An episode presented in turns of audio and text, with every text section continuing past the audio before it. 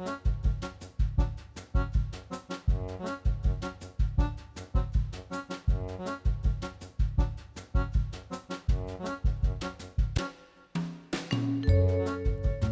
og sæl og velkomin í mannlega þáttin. Í dag er miðvíkudagur og það er 15. november. Og þennan dag 1978 voru áfengisauðlýsingar bannaðar í Svíþjóð. Og á þessum degi ára 1990 var samþygt í borgarstjórn Reykjavíkur að gefa afgreyslutíma Vestlana frjálsan. Og 2008 búsáhaldabildingin að minnstakosti 7000 manns mótmæltu við Östurvöll vegna efnahagskreppunar. Já og yfir í efni þáttarins í dag, Bergur Ebbi Benediktsson og Snorri Helgason hafa undarfarin ár verið með eitt vinsælasta hlaðvarplandsins Fílalag. Það sem þeir taka fyrir eitt lag í hverjum þætti og bókstaflega fílaða á bráðfindinu og líka fróðlegan hátt og svo hafa þeir til dæmis gert fílalagsþætti í sjónvarpinu, auk þess að vera á sviði fyrir framann fullan sal af áhöröndum en annað kvöld ætlaði þeir að stíga á svið Eldborgarsals hörpu á samt Symfóniuljómsveit Íslands og nú á fíla klassíkina. Snorri og Bergur ætla að segja okkur frá því hvernig þetta kom til og hvaðan, hvað þarna mun fara fram. Björg Þorgrimsdóttir er stafsnumi hér á Rást 1 og hefur komið viða við í þáttum hér. Eh, hún spjallaði við Ástvald Tsenga Traustason, kennara og prest um jólastress. Hvernig hægt er að eiga við erfiða tilfinningar og námski sem hann satt hjá Gabor Mate. Við ætlum að heyra viðtal Bjarkar við Ástvald hér á eftir. Já, og svo heyrum við Lofísu Ósk Gunnarsdóttur, dansara og danshöfundi. Það sem hún er stött í Vísbaten í Þískalandi en hún hefur verið á síningaferðalagi með síningu sína When the Bleeding Stops. Það sem hún er að rannsaka breytingaskeiðið og fjalla til dæmis um þögnina og skömmina sem virðist einkjana þetta umfjöllunarefni í vestarannu samfélagi og persónulega reynslu sína af því að eldast sem dansari og Lofísa hún segir okkur freka frá síningunni og þeim konum sem hún fekk til þess að gera þessa síningu með sér hér á eftir. En við byrjum á Frank Sinatra, hér syngur hann Love and Marriage.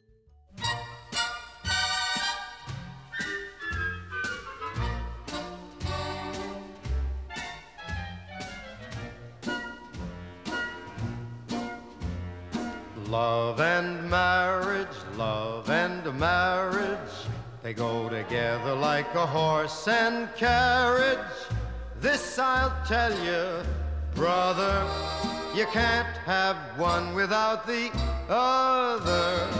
Love and marriage, love and marriage, it's an institute you can't disparage. Ask the local gentry and they will say it's elementary. Try, try, try to separate them. It's an illusion. Try, try, try, and you will only come to this conclusion love and marriage. Love and marriage, they go together like the horse and carriage. Dad was told by mother, you can't have one, you can't have none, you can't have one without the other. No, sir. Já, Love and Marriage, Frank Sinatra en hingað eru komnir góðir gestir. Já, þessir gestir hafa nú komið áður í uh, mannlega þáttin, Bergur Eppi Benediktsson og Snorri Helgason og, og sagt okkur aðeins frá uh, fílalag því að þeir hafa auðvitað verið með hlaðvarpsþáttin fílalag í hvaða langan tíma? Er það ekki tæp tíu ár, Snorri? Tæp tíu. Tæp tíu, þetta er uh, verið tíu ár núna í hvað, februar? Allavega langan tíma og svo eru þetta sjómastættir og svo hafið stíið á stokk á svið og verið með bara fullan sal af áhörundum og hingað þáka og svona. Eh, en nú bara er nýtt annað kvöld, þá er þið að fara að stíga á, er þetta ekki langstæsti salurinn til að byrja með, eldborgarsalurinn í hörpu með Sinfoníu hljósett Íslands? Jú, þetta er aldrei dæmið, þetta er, þetta er bara langstæsta uh, svona svið sem hægt er að stíga á, það er að segja, þú veist, Eldborg er bara stæsti salurinn kannski fyrir undan eitthvað lögöldarsöll eða eitthvað sluðis en, en það er bara það að vera með sinfóníuljónstina með sér á sviði er bara toppurinn sko, þú veist, þú gerir, gerir það ekkit það er, engin, það er ekkit sem veitið þess líka upphefið eins og það sko, það er bara Sko, sko förum aðeins eh, fyrir okkar hlustendur uh, því að það er ekki víst að allir þekki hérna fílalag mjög vel og hvaða þýðir að fíla laga því þið, þetta er ekki bara einhverju svona venjulegir þættir um tónlist heldur hvað, hvað þýðir það að lag sér teki fyrir í þáttunum fílalag? Já, sem sagt venjulegur svona hlaðar þáttur að fílalag e, þá er bara eitt lag tekið fyrir og þetta er yfirleitt poplag eða svona lag sem maður myndi að heyra í útarpi og það fjallaði um það svolítið ídalega frá alls konar hliðum. Og líka bara mjög mikið út frá bara hughrifum eða tilfinningum og, og sett í svona, svona vít samengi þannig. Um, svona svolítið svipa og fólk myndi gera svona í partí að maður setur eitthvað lag á fónin svona búið til stemningu í kringu það og þannig að þetta er mjög ítaleg kynning. Og náttúrulega verða alveg gæta staðrendum og kynna lagi þannig en líka svona verða svona fara svona í eitthvað dýbra sem er svona erfiðar að festa hendur á, einhverju tengingar Já, svona verið að fara, ég var að reyna að ég var að skrifa kynningu fyrir viðtalið aðan, svona þegar við byrjum á því að í upphafið þáttar að það er svona verið að fara kannski, já, stemning og, og, og uh, tímabil, já, og svona einhvern veginn, hva, hvað var í gangi, ekki bara í þessari, þessu lægi heldur einhvern veginn, bara í samfélaginu og, og hvaðan lægi kemur og svo leiðis, ekki?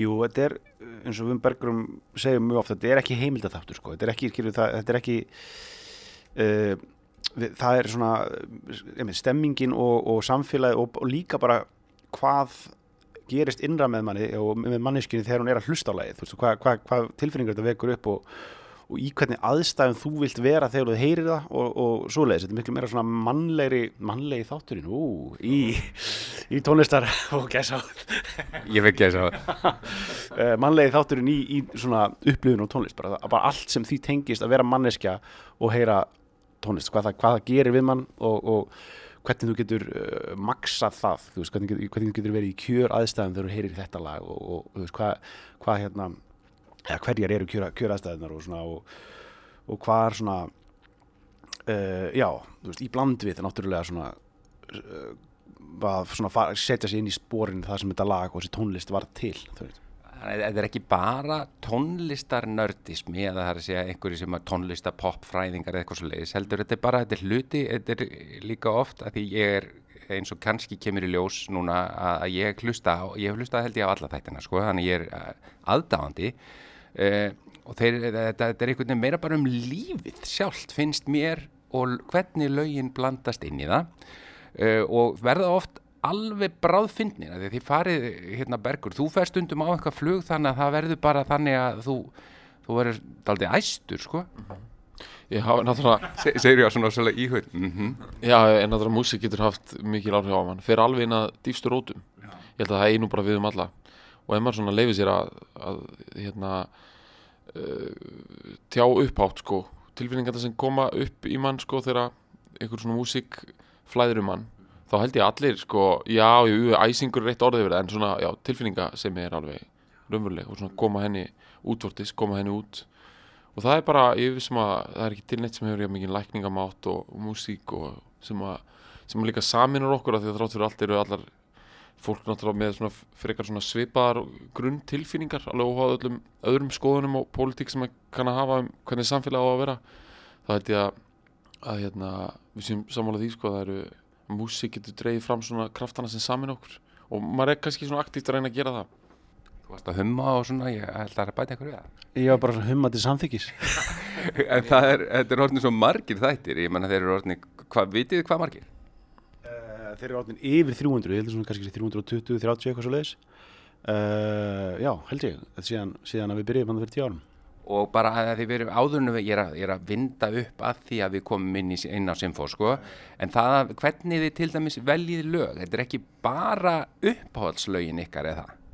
Nei, ekki endilega, en þetta eru samt einhver lög sem að maður finnur einhver, einhverja tengingu við og, og getur svona framkallað, uh, maður byrjar ekkert að hugsa strax, gæti ég talað um þetta lag í klukkutíma en, en, en ef eitthvað næri einhvern veginn að nuttast upp um hann þannig að maður, það opnar á einhverja, einhverja taug, þá held ég að sé þess virðið að fíla það. Við erum samt kannski ekkert endilega, við viljum, við viljum samt fíla lögin og hafa jákvæðar tilfýringar. Það er svona, er erfitt að, en, en það er alveg hægt að svona opna líka á eitthvað, já, svona eitthvað svona sem er, ég sé kannski ekki alveg pyrringur en svona, eitthvað svona sem maður veit ekki alveg okkur maður fílar eitthvað.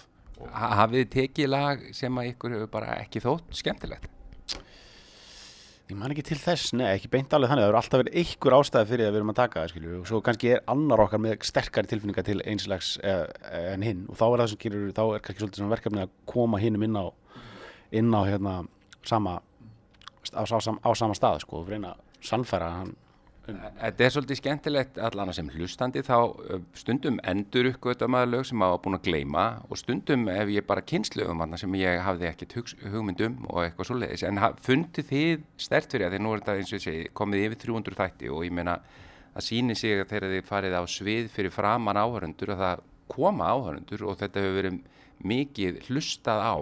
Fundið þið strax fyrir að þið voruð að hitta inn á einhvern svona einhvern tón sem að eh, stórhópur var að fíla, fíla, fíla lag? Um, já, alveg frekar fljótlega held ég, en svo maður verður bara að halda svona sínu striki og, og gert út frá einn fórsendum, en við byrjuðum já svona frekar fljótlega að halda einhverjum svona lifandi viðbyrði og þar sáum við að fólk var að koma og, og virtist vera svona nálgast á söpum fórsendum og við.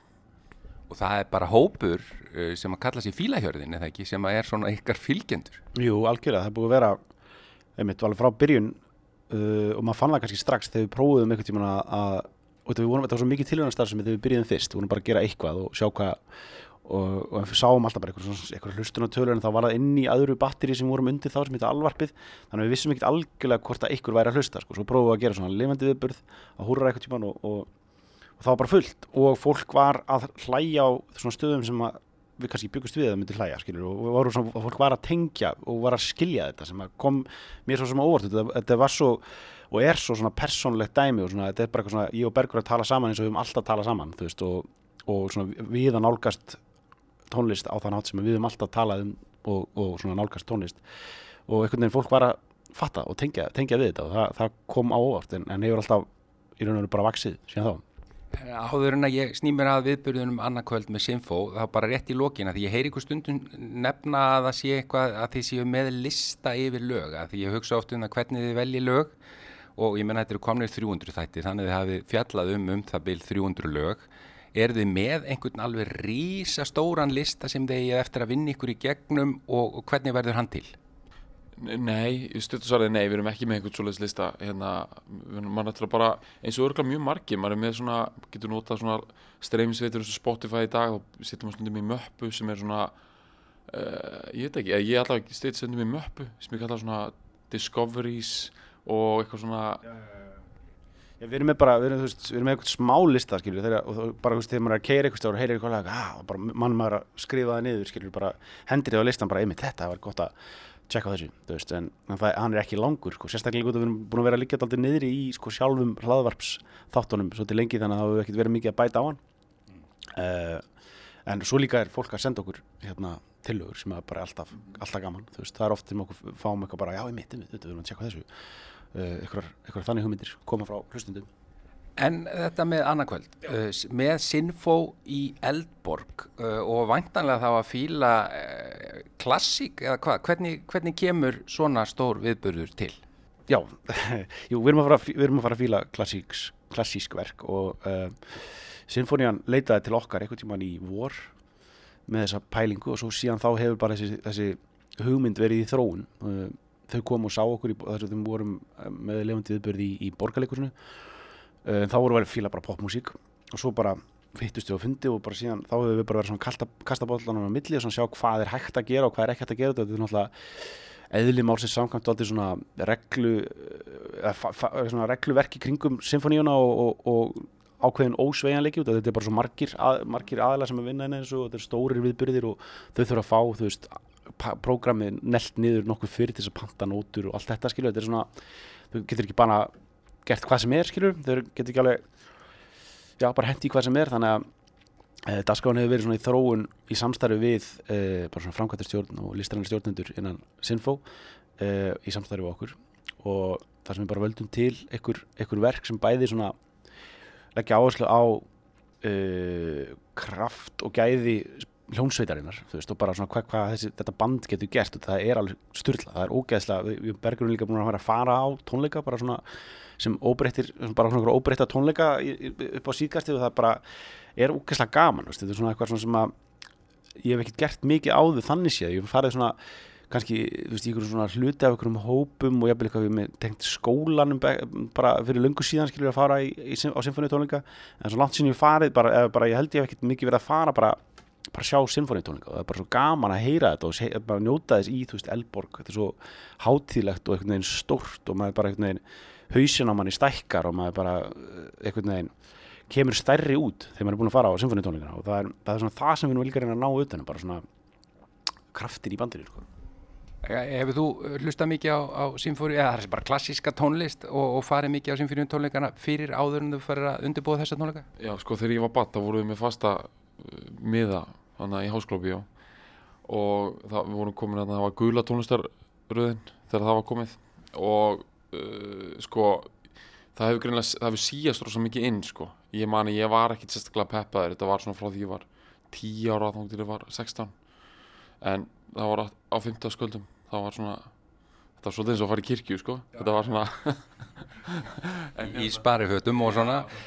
en hérna eh, það hefur greinlega síðast inn sko. Af því að maður verður læsa á svona músík og kannast við þetta og eitthvað svona sem virka kannski rosalega stórt og viðfemt fyrir fólki. Og svona ókljúvanlegt það verður það ekki, maður er búin að fara reglulega á tónleika kannski í 1-2 ár þá byrjar maður jafnvel að sjá að þetta er hérna, hérna, verk eftir sumu höfunda og þessi heimur er, er hérna, já, hann hefur ákveðna stærð og, og svo hérna og maður byrjar bara að vera að læsa það svona að sjá sumu stefin og lærin og symfóníuformið og, og skilur hvernig koncertar virka og einleikskoncertar og svo framvegis.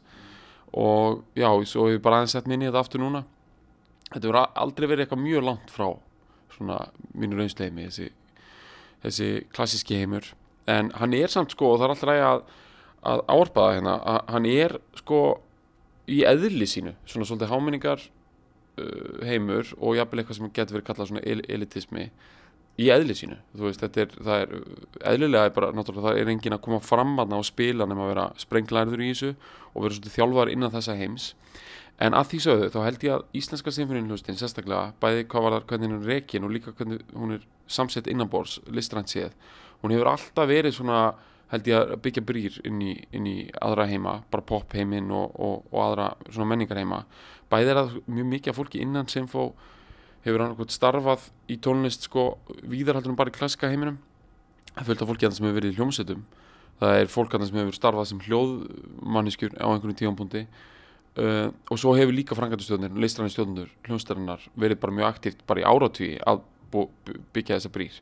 Og samstarfsverkefni eins og Sálun og Sinfo Kvarasi og Sinfo og allt þetta sem ekki gleyma það er að verða sko, það eru yfir 20 ár síðan þetta kom fyrst á. Þannig að við erum alls ekki þið fyrstu sko, þetta er ekki fyrst skipti sem hefur verið að reyna að koma symfónískri tónlist til alþýðunar, algjörlega innan gæðsalapa en uh, já, en, en, en við þetta er samt svona ákveðið verkefni og við lítum á, ég held að það sé svona hluti af því sem við erum að gera er bara að með því að fíla þessi verk, af því að við erum náttúrulega búin að setja okkur inn í verkin sem að verða þannig á dagskrá og bara raunverulega fíla þau, þá er það, erum við líka að gera okkar í því starfiðli. Þetta er nú ekki samt alveg að það í fyrsta skipt sem þið fílið klassík. Kom ekki Jóhann Alfred til ykkar eh, sem gestur og hva, hvað var það sem þið fíluðu þá? Munið það? Var það ekki, hvað var það eftir? Nessum Dorma, það var Nessum Dorma, já, já, alveg rétt, já. Svona einmitt, eitthvað sem að maður getur kallað svona populísk symfónísk verk, sko. Á nýjöndu symfónían hefur líka verið tekinn. En, en hve- hvernig völdu þið, það er að segja, völdu þið tveir alveg verki núna sem að verða flutt annarkvöld af Symfó eða voruð þið í, svona, í samráði við Symfóníulöstuna? vorum í, í samráði við, við listræna stjórnundunar í, í symfóníinu og, og stjórnandan líka og svona, svona bara til að finna út hvað er mögulegt, skildu, við kannski heyrum það ekki og vitum ekki þú veist, hvað, hvað, hvað, af hverju við getum ekki gert tekið þetta verk en, við erum að gera þetta bara á svona teknilegum atriðum í bandinu og svo leiðis uh, en þetta er bara eitthvað, já, einmitt, eins og Bergur er að segja, bara allt verk sem að við fílum mjög vel og þetta er líka, og þetta er langt líka, við þurfum að koma með okkar element, þetta er ekki bara tónleikar, þú veist, og við séum einhvers konar kynnar á þessum tónleikum þá erum við líka að koma með okkar svona fílalags pælingar inn, þannig að það er svona heildar pæling fyrir kvöldi sem við þurfum að reyna að koma til skila sem að, þú veist, við erum að tengja þessi verk eða sem sagt, verkin tengjast því sko, sem að, og þú veist, þannig að við þurfum líka veist, láta, við erum alltaf erum að fara að djóka líka á alls konar svo leið, skilur, vera bara að, að vera með eitthvað eitthvað kjæftæði í gangi líka, sko, það bara að vera með. En hvað, hérna, á þess að þið farið alveg yfir alla dagskrána, svona getið rétt hlaupið á því einhver, einhverju sem verður? Já, hérna, náttúrulega hluti af þessu viljum við alveg potið þetta komið fólki óvart. En uh, já, við verðum uh, svolítið með bara, sko, við verðum svona aðeins þess að koma fólki á bræði þá eru nokkur annað svona mjög þekkt stef sko, úr, úr, úr bara klassiska tímabili þessar symfónísku tónlistar og sem eru svona frá meilandinu þú veist, bara gamlu mistararnir sko, og við erum aðeins að taka það fyrir. Bara það konsept líka, við erum aðeins að svona kofvera það konsept, sko, af hverju er þetta alltaf einhverjir gráir, skeggjaðir þýskir menn, sko, sem að við alveg er, föllum alltaf kittaflötu fyrir? Við erum aðeins að ná því út úr systeminu, sko, að við höldum einhverja þannig að það verður alveg kofverað svolítið. Svo förum við svolítið inn á íslensk mið, sko, svo við segjum kannski ekki mikið meira, við förum svona aðeins já, dýfum okkur svolítið inn í, inn í það. Og, og eitt af svona, svona gegnumgangandi þema fyrir þetta kvöld er að fjalla aðeins um sögu hljónstærinar og í leiðinni kannski svona, svona ísl, íslendingar að móta svona sína sjálfsmynd. Af því að það að vera með symfóníuljónsett er rosalega stór hluti af því að vera þjóð meðal þjóða sem er svona koncept sem að ég held að útskýri sjálfsmynd íslendinga betur heldur en mjög margt annað. Við erum rosalega lítil og vil viðkvæm þjóð um, og mjög nýð þjóð. Svona, við hérna, stofnum ekki líðvildi hér fyrir fyrir 70 árum eða, eða eftir lóksetnastrís uh, og það er og mjög fljóðlega eftir stofnum líðvildis þá stofnum við symfóníuljónsett og uh, tókum viljan fyrir verkið sko. veist og það er hérna, við erum nýbúin að fá þetta flotta tónleika hús Harpa byrjað 2011 eða 2010 eins og við vitum, þetta var í Östubæði bíó svo var þetta náttúrulega lang, hérna, lengst af í Háskólan bíó og það, þetta er ótrúlega ske, skemmtileg saga og við, við viljum meina það í gegnum verkin sem við völdum þá, þá náum við aðeins að, aðeins að svona, já, svona fara yfir, yfir þessa sögu Já, þetta er annað kvöld, fymtudagskvöld uh, í Eldborgarsal Hörpu, klukkan bara áttaðið ekki. Bergur Ebbi Bendiktsson og Snorri Helgason, takk einlega fyrir komuna og bara að það verður áhugavert að fylgjast með þessu.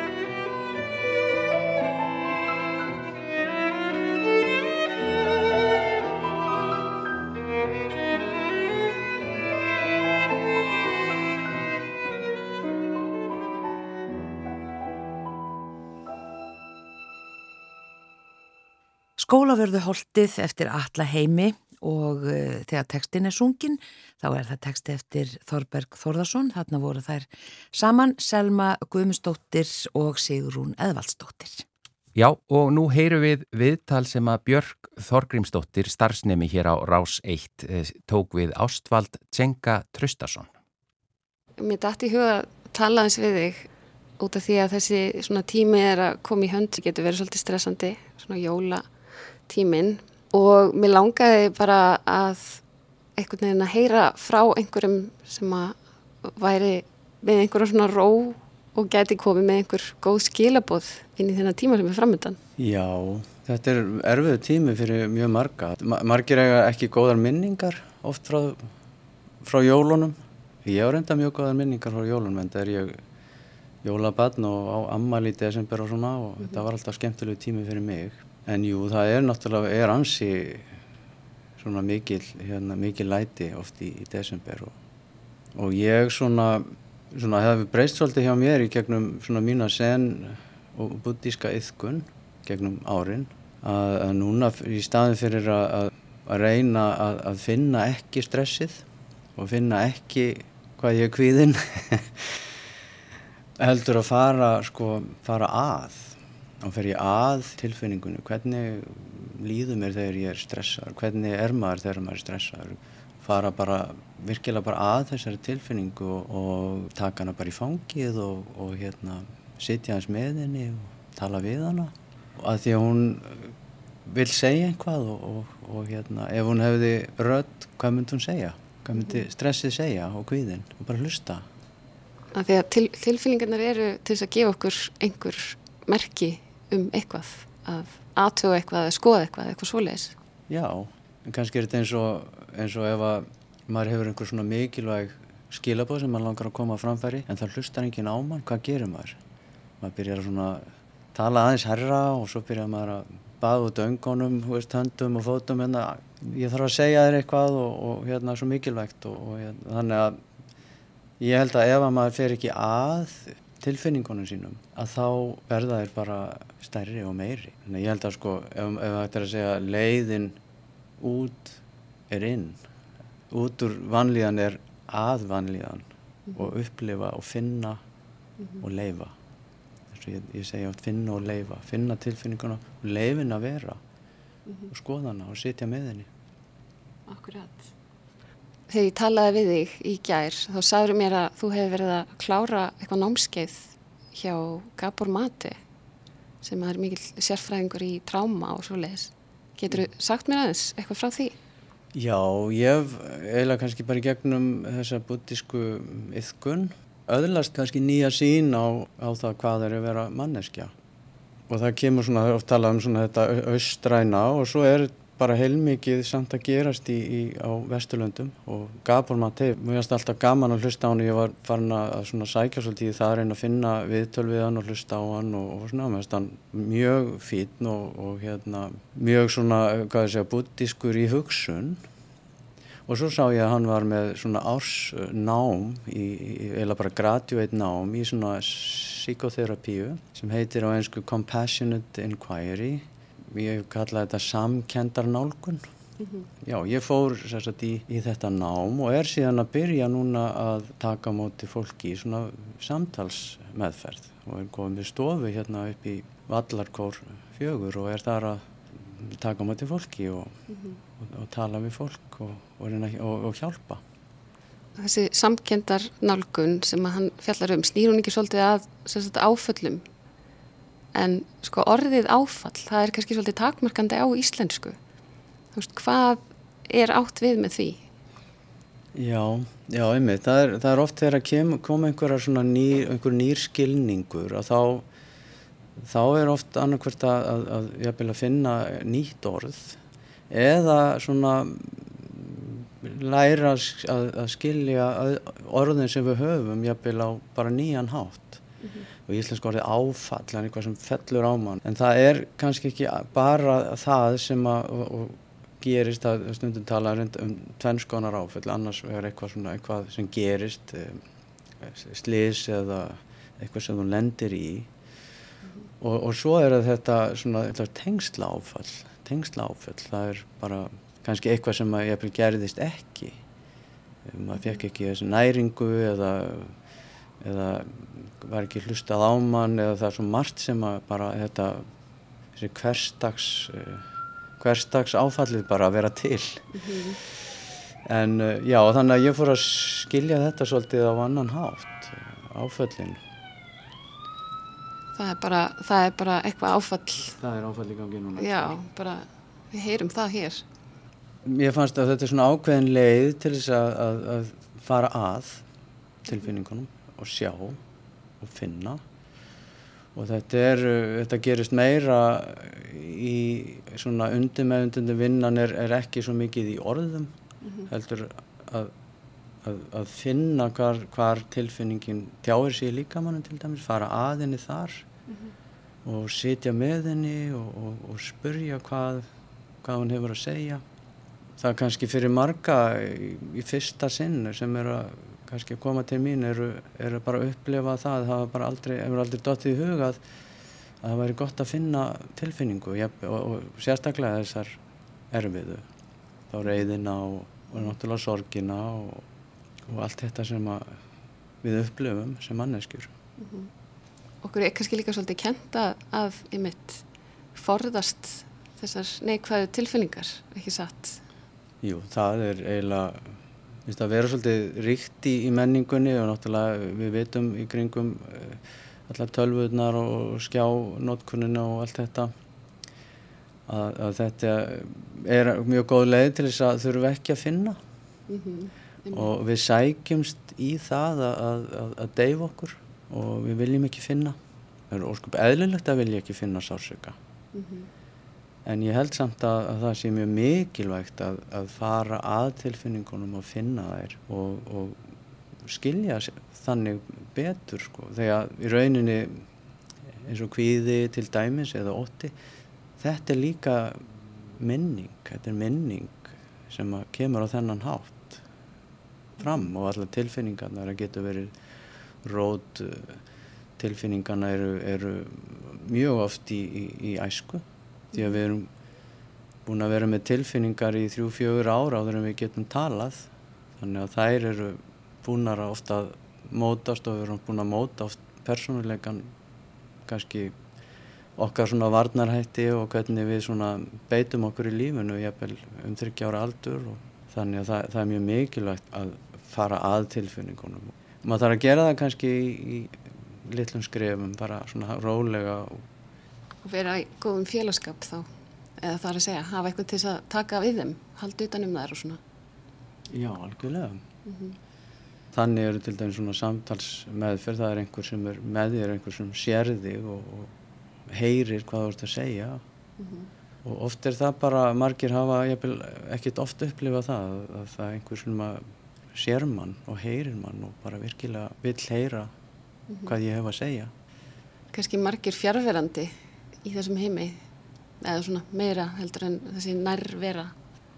Já, mér finnst það og, og að ég sá nú bara í frettunum í gær frettur um að sér bara vikulega, ég hef stundum á hverjum degi um skjánótkun barna og svona alltaf ekki síður fullorðin að þetta er bara leið til þess að finna ekki. Eins og bara aðrar leiðir sem við þekkjum eins og bara áfengi og, og bara allt sem að deyfir. Það er mjög vinsalt Já, svona hverfa, hverfa sjálfum sér aðeins smá stund. Já, og kannski margir sem hafa bara leið ekkit oft hugan að bara líkamannu sínum. Að því að tilfinningarnir eru ekki inn í hausnum á einhver, það er, það er tjá sig í líkamannum. Mm -hmm. gegnum tögakerfið og maður finnur kvíðan oft bara í, í, í, mikið í maganum og, og svo, svo þegar maður fyrir að skoða þá er það bara, kemur það ví, víða fram, það getur verið, maður finnur allt í húnum fyrir að finna í hálsinum eða höfðinu eða þegar maður fyrir að svona leiða aðteklina að, að þá kemur ímislegt í ljós. Mm -hmm. Eitthvað annað en bara líkamleir verkir, það er eitthvað, eitthvað sem er þar að bakvið. Já. Að því hugurinn og líkaminn er ekki aðgreint fyrirbreyði. Þetta er ein heild. Þannig að hugurinn okkar er líka, hann tjáir sér bara í öllum líkamannum. En þú ert kannski búin að svara því svo sem tenging á milli, þessast tenging á milli hérna, þessar samkjöndanálgunar og bútismans. Já. Þetta snýst ekki endilega um orðin. Myndur þau segja að það væri svona, það sem væri samveilegt? Já, já, það sem að eins og sen bútismi að þetta er yðkun án orða. Mm -hmm að, að þegar maður sem að sest niður með sjálfum sér og, og bara tekur frá stund og, og eins og hér hjá okkur í sen á Íslandi með öðru fólki og það sem er kennari og, og svona ákveði form í kringum það að þá mæti maður svolítið lífunu þá má segja þetta sé svona kannski stefnumót við lífið að, að mörgu leiti þú byrjar að svona sjá hvernig það er að vera þú akkurat hér, núna og í því þróast oft mjög svona innilegt samband bara við það sem þú getur sagt og líka það sem þú getur ekki sagt. Við erum í grunninn eitthvað sem við getum ekki sagt hvað það er og, og það er, er bara aldrei snúið ofta að vera eitthvað sem við getum ekki sagt hvað það er og að sitja með því og, og gangast við veruleikanum eins og hann er að því hann er þannig það, þannig er hann akkurat núna. Að þetta er opbóðslega mikil heilun í þessari yfkun og ekki bara fyrir þig heldur bara fyrir, fyrir alla aðra.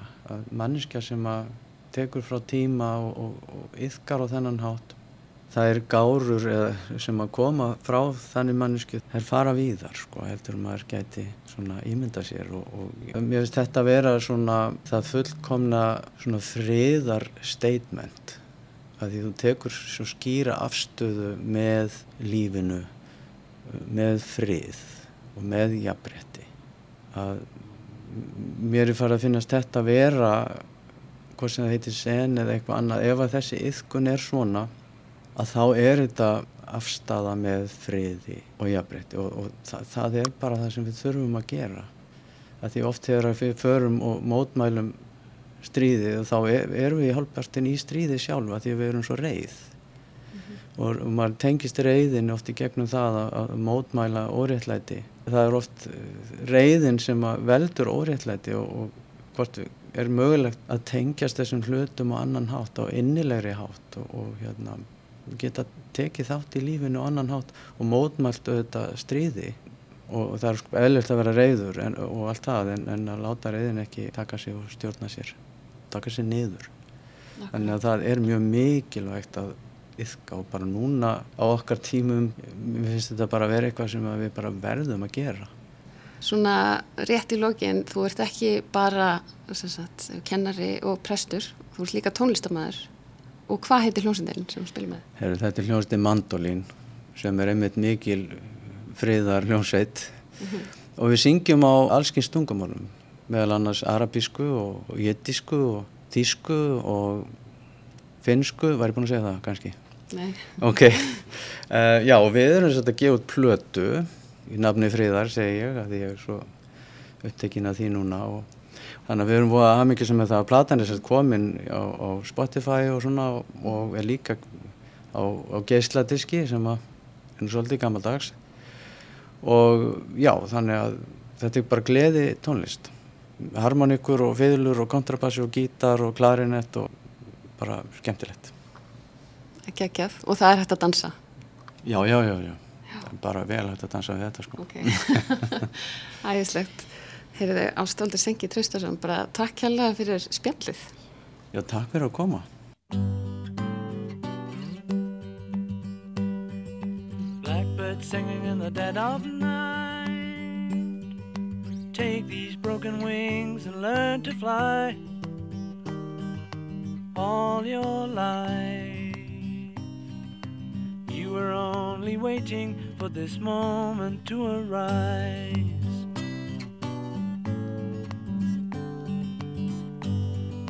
Blackbird singing in the dead of night. Take these sunken eyes and learn to see all your life. You were only waiting for this moment to be free. Blackbird fly. Blackbird fly into the light of a dark black night.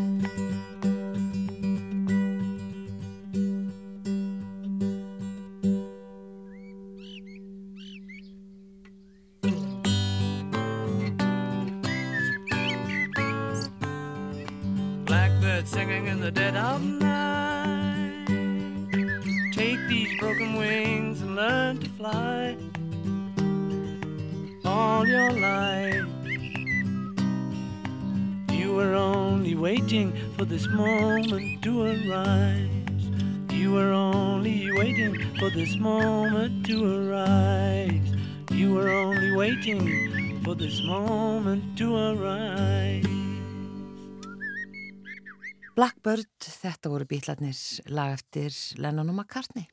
Við erum komin með á línuna Lofísu Ósk Gunnarsdóttur, dansara og danshöfund, kontu sæl og blessuð. Sæl veriði, gaman að heyra í ykkur. Þú ert stödd í Þískalandi í Vísbaden þar sem að e, þið voruð að sína í gær verkið e, When the Bleeding Stops, ekki satt? Jú, það passar, það var síning í gær og hérna uh, önnur síning í kvöld og svo förum við heim í, í, í fyrramálið. Já, segð okkur aðeins frá þessu verki því að þetta kemur til eða ekki, við höfum fjallað mjög mikið hér í þættinum um breytingaskeiðið og, og þetta er nú byggt að einhverju leita því að þetta byrjar þegar þú meiðist eða hvað? Já, sko, eh, ég var búin að vera dansari hjá dansfloknum í einhver 16 ár þegar ég slasa mig og á sama tíma þá hérna held ég að ég sé að byrja á breytingaskeiðinu og hérna og svona uppgötaði að ég vissi bara eiginlega ekkert um það og ég hafði einhvern veginn aldrei hugsað út í þetta og ég upplýði bara eitthvað svona skömm að þetta að vera að koma fyrir mig og, og svona mjög skrítnar tilfinningar. Og ég hafði einhvern veginn aldrei talað um þetta við mömmu eða sýsti mín eða neitt e, og þetta varði einhvern veginn til þess að ég bara fekk alveg óbyrlandi áhuga á þessu og, og svo, svo sem var þetta bara mjög eðlileg svona fyrstu merki um, um, um umbreytingaskeiðið en ekkert til þess að hafa áhugjur af og, hérna, og þá bara svona einsitt í mér það að undibúa mig fyrir þetta skeið og, og byrjaði bara að lesa um þetta og spyrja konur og, og hérna, endaði svo á því að fara í meistranám í sviðslistum þar sem að sko rannsóknarverkanum mitt hétt eh, Preparing for Menopause as Self-Help Dance eða sérst, já, undibúningu fyrir breytingaskeiðið sjálfsjálfar dans. Já, Þannig að þú hefur slegið tværflugur í einu höggi að gera verkefni og líka bara fara sjálf í, þetta var nánast bara þerapía. Algjörlega og bara búið að vera einn stór þerapía síðan sko. Þannig að hérna, og, og, sérst, og partur af rannsókninu minni var að ég sérst, eh, setti á Facebook-hópin breytingaskeiði, svona auðlýsingu og, auðlýst eftir konum til að, að taka þátt í rannsókninu minni þar sem að ég baðar um að hérna að taka upp dans heima í stofu og senda mér og, og svo vissi ég ekkert hvort að einhver myndi svara og svo bara fylltist innholfið mitt af einhverjum sko, stórkostlegum konum að dansa heimi í stofunni sinni og, og svona mín einhvern veginn persónulega saga því að eldast sem kona og dansari og, og sögur þessara kvenna og þessi dansvídeó urðu svo svona grunnurinn að þessu, að þessu verki. Mm. En að þú segir að þú hafi ekkert vitað um þetta skeið svona, já þegar þú heldur að það hafi sagt, byrjað hjá þér svona að hverju hefur komist um það og já, varstu hissa?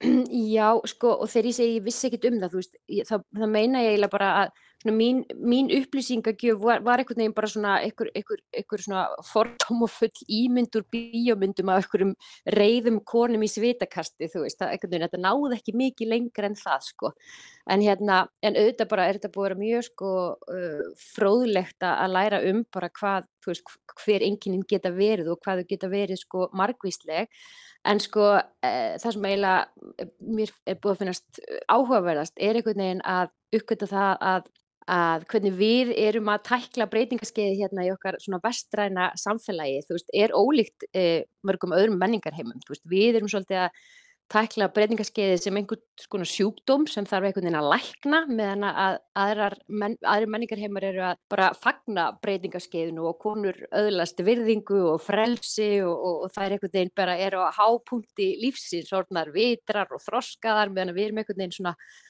hálfa fela þetta og, og einhvern veginn sjúkdóm að væða þetta og það er einhvern veginn þar sem að minn áhugi liggur að einhvern veginn að dreifa út bóðskapum að þetta er eitthvað til þess að, eitthvað til þess að fagna og einhvern veginn vera bara e, gladur með líka. Já, er, það er litið á þetta frekar neikvæðum augum uh, já, í vestrannu samfélagi eins og þú segir. Já, það er eitthvað svona, eitthvað svona tabu í kringum þetta og einhver svona, einhver skömm og ég fagnar rosalega allir þessari umræðu sem er í gangi um breytingaskeiðir en hún er svolítið, hún einblýnir svolítið mikið á bara einkenni og hvað getum við gert til að laga einkennin, þú veist, og en, en, en það er einhvern veginn, við erum lítið svona einhvern veginn að tala um það, hvernig, hvernig er það að eldast og fara á breytingaskeið í samfélagi sem að lítur þessum augum á, á breytingaskeið, þú veist, við erum hérna, þú veist, það að þú sést ekki lengur í batning, ertu þá bara orðin einhver, þú veist, úrelt vara, skilur það er það einhvern veginn sem að ég held að við þurfum að skoða svolítið sem samfélag. Og hvernig þá, hvaða tökum er þú að taka þá núna þessa umræðu og líka því þú segir að það fengi send svo mörg dansmyndbönd, útskýra það eins betur hvað þú varst að byggja þær um að gera og þurftu þær þá að semja sjálfar dans út frá því hvernig þeim leið eða hvað?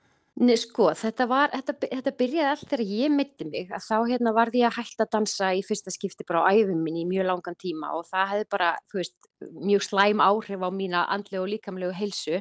Þannig að svona, til þess að koma mér aftur á fætur og þá einhvern veginn, einn daginn fór ég út að lappa og kom heim og var bara ótrúlega eitthvað pyrruð í öllum líkamannum og svona bara, uh, ég verði að dansa og ég, þú veist, eitthvað lag var búið að vera í hausnum á mér og ég bara setti þetta lag á, dróð fyrir í stofinu og dansaði og hérna fann einhvern veginn að mér leiða eins betur og þannig ég fór að gera þetta bara hverjum degi, ég fór út að lappa og dansaði svona eitt dans í stofinu heima. Og það var þessi svona daglega danspraktík sem að ég einhvern veginn bara þróaði út frá einhverju þörf eh, sem ég bauðum að, að, að, að prófa. Og hérna í raun og veru er þetta bara svona lítil saga úr hverstarslífunu í gegnum líkamann. Þannig að það er sem sagt ég leiti þær í gegnum þessa æfingu að fara út að lappa og, og leif ykkur að koma til þín og taka, setja síman og taka þið upp meðan þú dansar þetta við þetta lag. Þannig að þetta er ósköp einfalt, einfalt og er kynna sig fyrst og segja mér hvað er heita og hvað eru gamlar og svo bara dansa þess og já. Og er bara dansa, bara, bara það er rauninni spinna bara dansin eins og hann kemur til þeirra og valdir þú þá eitthvað lag eða máttu þær velja sjálfar lagið?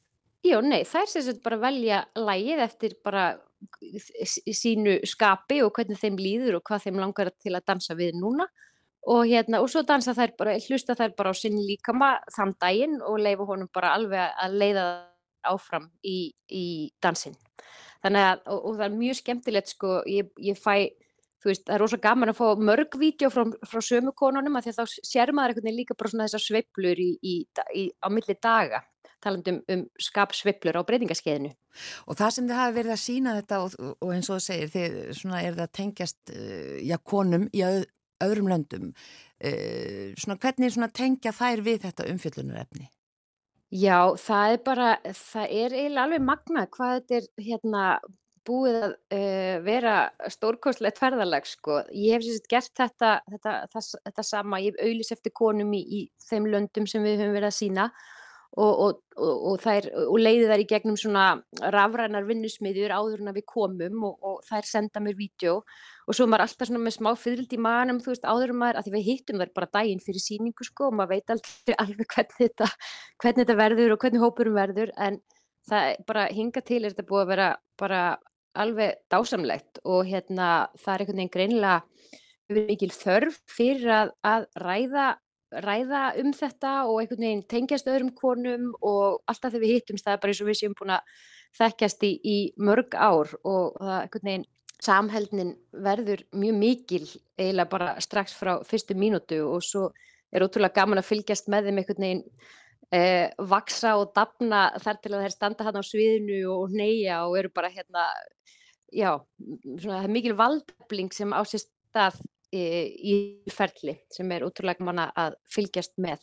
Og það sem ég, þú veist, hérna, talandum bara þegar ég var að uppgöta þetta sjálf og einhvern veginn byrja að hugsa um þetta, að þá þurfti ég líka bara að horfast í augu við allskynns fordóma sem ég hafði gagvart breytingaskeiðinu og konum á breytingaskeiðinu. Og það er aldrei spúið að svona, ég er búin að þurfa að geta það eh, mjög ánægilega onni mig að því að þú veist, allir þessar konur sem ég er búin að vera að hitta eru bara þú veist, ótrúlega sterkar konur, búin að, hérna, þú veist, reynslu miklar og, og bara ótrúlega, já, vitrar og uh, magnaðar konur. Og hvernig, svo síningin, ertu þá ekki að nota myndböndin uh, í síningunni, er, koma þær bara hreinlega síðan sjálfar og eru með þér upp á sviði og, og, og, og hvernig er síðan uppbyggingin á síningunni sjálfri?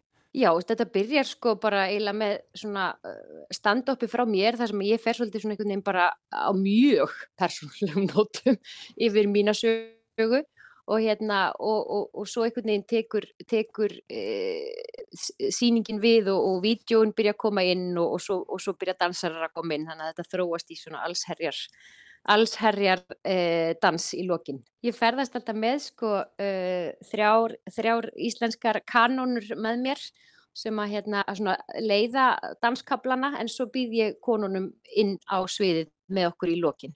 Þið voru að sína í gær í Þýskalandi og aftur í kvöld. Eh, hafið þið verið að sína við og svo komið þið til Íslands? Já, við erum búin að vera að sína í, í Dublin og Oslo og Wiesbaden og, og, hérna, og svo ætlum við að sína núna eina síningu í eh, Reykjavík á sunnudaginn á stóra suðin í borgarleikusinu og, og svo tekur við bara eiginlega, hérna, næsta ári er eiginlega orðið bara pakkað sko. Við erum að fara hérna á svakalega Evróputúr, við erum að fara til Prag og London og, og, og Kaupmannahöfn og Árosa og Portugal og Ítali og Frakland og ég veit ekki hvað hvað. Þannig að við erum bara að eitthvað svona touring company sko. Við hérna meðaldra skvísutnar. Þannig að Já, það að þú, þú þannig að það að þú, hvernig þetta byrjar hjá þér og þú byrjar að vinna í þessu sem bara lokaverkefni, nú er þetta bara að leiða þig út um allan heim og konur er að tengja við þetta út um allan heim. Já, það er eiginlega pínu svoleiðis. Þetta er mjög áhugavert, sko, að því að áður en að við hérna, áður en við síndum að því döblin á, á erveifsháttíðinni að þá voru við svona að reyna einhvern veginn að, að svona selja verkið á pappir og það er áhugavert að það er svolítið erfitt að selja dansverk um breytingarskeiðið á, á pappir en svo hérna náðum við að sína þetta fyrir svona stórum hópi af e, leikússtjórum og, og festivalstjórnendum hérna úti í döblin og það hérna bara, það urði einhverjir töfrar sko, það var bara allt vittlust þannig að það er hérna, já, þetta er búið að vera ótrúlega, ótrúlega skemmtilegt æfintýri og er bara að fara að halda áfram. Spennandi og á yes. sunnudaginn, stóra sviðinu í borgarleikursinu, þá getur við á Íslandi uh, borðið þetta augum uh, When the Bleeding Stops. Við sendum bara bestu kveðjur út til Vísbaten, Lovisa Ósk Gunnarsdóttir. Já, við lofum bara hérna góðu kvöldi, þetta er hérna, mér er sagt að þetta sé mjög fyndið og skemmtilegt og svona gott í hjarta, þannig að hérna uh, ég bara vonast, vonast til þess að sjá sem flesta, ég held að sé ykkur í miðar eftir. Bestu þakkir, auf Wiedersehen. Eindislegt. Á Vítursen, takk fyrir, bless. Bless. Og þá bara er þættinum lokið í dag, mannlega þættinum. Já, við verðum hér auðvitað á sama tíma á morgun þökkum innilega fyrir samfélgin í dag. Verðið sæl.